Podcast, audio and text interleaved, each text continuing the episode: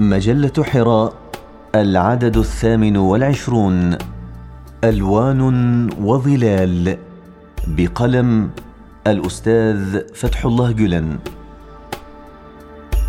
مخاطر وبراءة.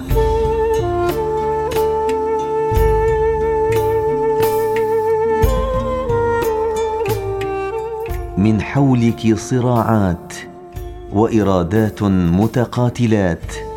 والكل يصرخ والكل يضج. وأنت حالمة كالزهر طاهرة كالندى عبقه كالشذا. وكصفاء الجدول الرقراق مشاعرك وكالآفاق الوردية أحلامك.